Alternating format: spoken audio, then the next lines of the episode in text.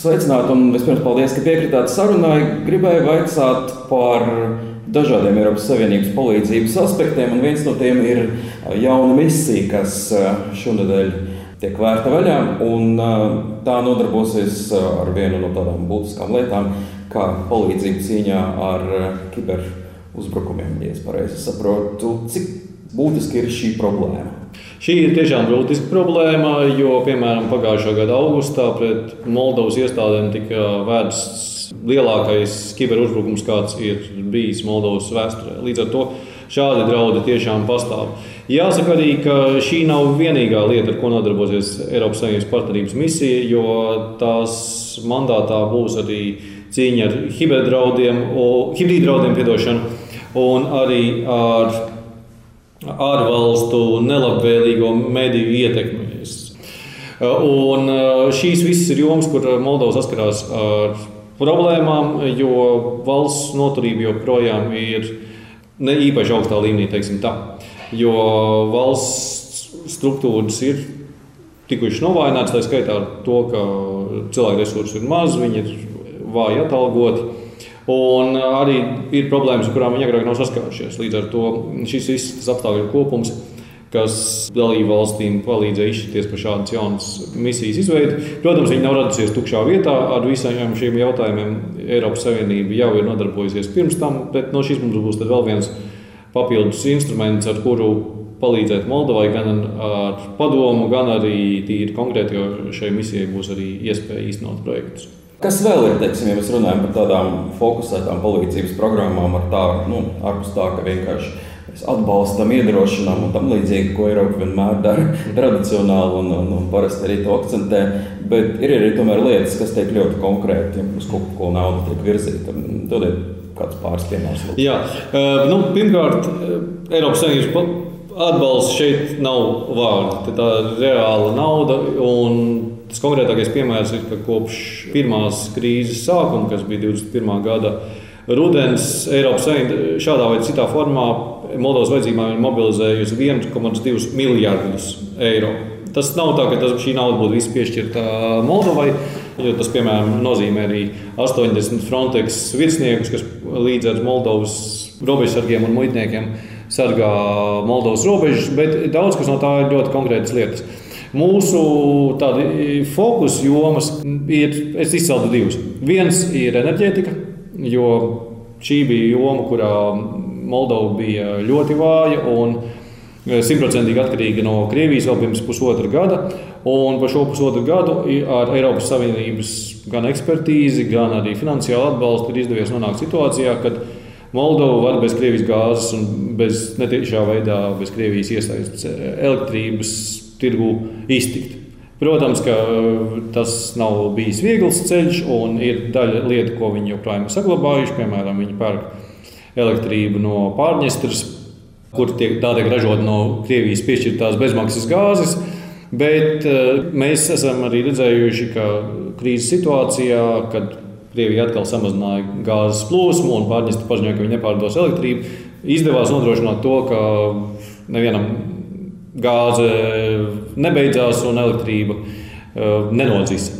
Otra joma ir uh, tieslietu reforma, jo tā ir bijusi ļoti smaga tēma Moldovai daudzu gadu garumā, kur ir bijusi sistēmiska korupcija un kur kopš, arī kopš jaunās valdības izveidošanas pēc parlamentu vēlēšanām Eiropas Savienība ir atbalstījusi to, lai šī sistēma tiktu iztīrīta.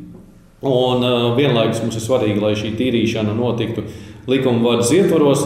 Tas nozīmē arī pakāpenību, un dažkārt nozīmē, ka mums ir bijis pat jāpiebremzē eh, Moldāvu vēlme izdarīt lietas ātri, bet mums ir svarīgi arī, lai tās notiktu pareizi. Un šis darbs, protams, būs jāturpina. Bet Eiropas Savienībai tiešām nav tādas jomas, kurā mēs Moldovā nebūtu iesaistīti. Agrāk es būtu teicis, ka mēs neesam iesaistīti aizsardzības jomā, bet nu, jau gadu, kā mēs esam iesaistīti tur, būtībā pagājušo gadu dubultojot Moldovas aizsardzības budžetu, jo aizsardzības joma ļoti daudzus gadus bija atstāta uh, novārtā. Jūs pieminējāt Piedņestru, Pārņestru, kā nu viņu sauc, um, um, kā kurš.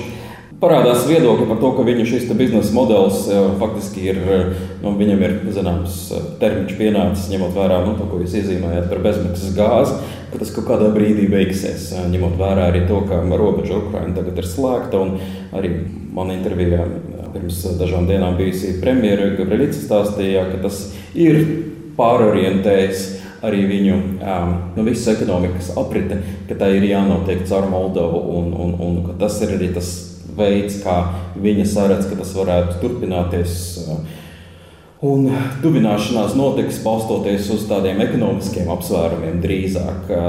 Vai jūs raugoties uz to līdzīgu šo viņas piedāvāto analīzi? Es pirmkārt teiktu, ka ekonomiskā daļa jau šobrīd ir stipri integrēta. Jo, ja mēs skatāmies uz pārņēstures tirdzniecību, tad Viena trešdaļa no Pārņestras tirdzniecības ir ar pārējo Moldovas republikas teritoriju, un divas trešdaļas ir Eiropas Savienība. Proti, atšķirībā no Moldovas labā krasta, turpat nav tirdzniecība ar Krieviju šobrīd. Jo arī uz Pārņestru attiecās brīvās tirdzniecības līgums, kas ir noslēgts ar Eiropas Savienību.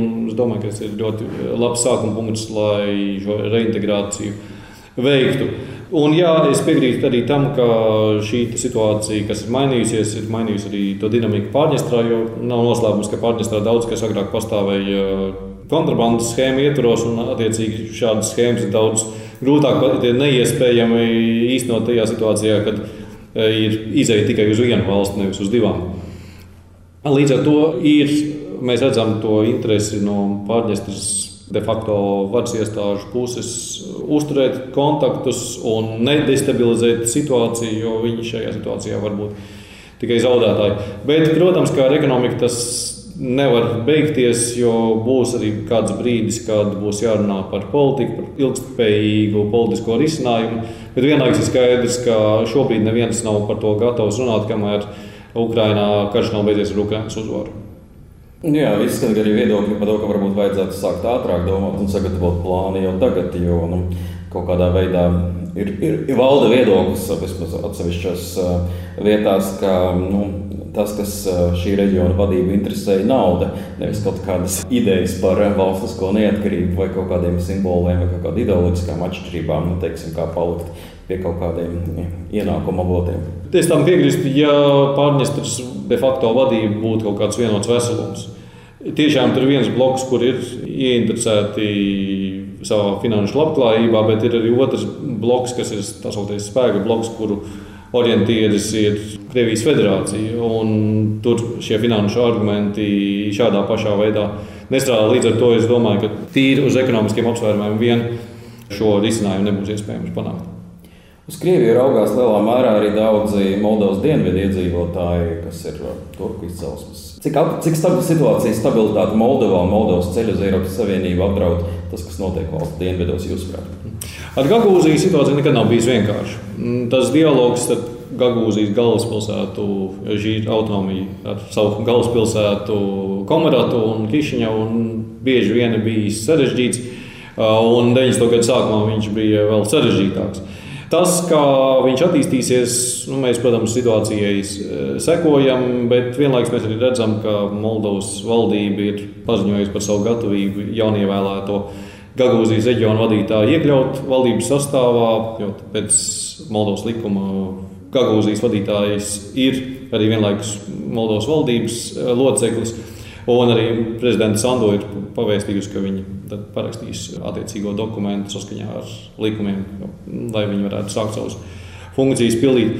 Tā kā svarīgi, es domāju, būs turpināt šo arī pārliecināšanas darbu. Mums arī Gagauzijā ir mūsu projekti, daudz no viņiem ir ļoti acīm redzami. Piemēram, nu, pat ir atklāts Gagauzijas komertai apvedu ceļš, kas nu, atbilst visiem Eiropas Savienības labākajiem paraugiem kur droši vien varētu atšķirt no labiem Eiropas Savienības ceļiem. Protams, tas arī iedzīvotājiem ir arguments, ja viņi redz, kā šis atbalsts izpaužas. Bet man nav arī ilūzija, ka būs daļa cilvēku, kuriem ļoti ilgu laiku vēl būs šis iracionālais arguments par to, ka mūsu labākais draugs ir Krievija, lai arī šo draudzību nu, es nespēju saskatīt ne tajā, kā Krievija attiecas pret Moldovas eksporta precēm, ne pret to, kā Krievija ir attiekusies pret Moldovu un tās iedzīvotājiem ar gāzes cenām. Paldies! Paldies jums!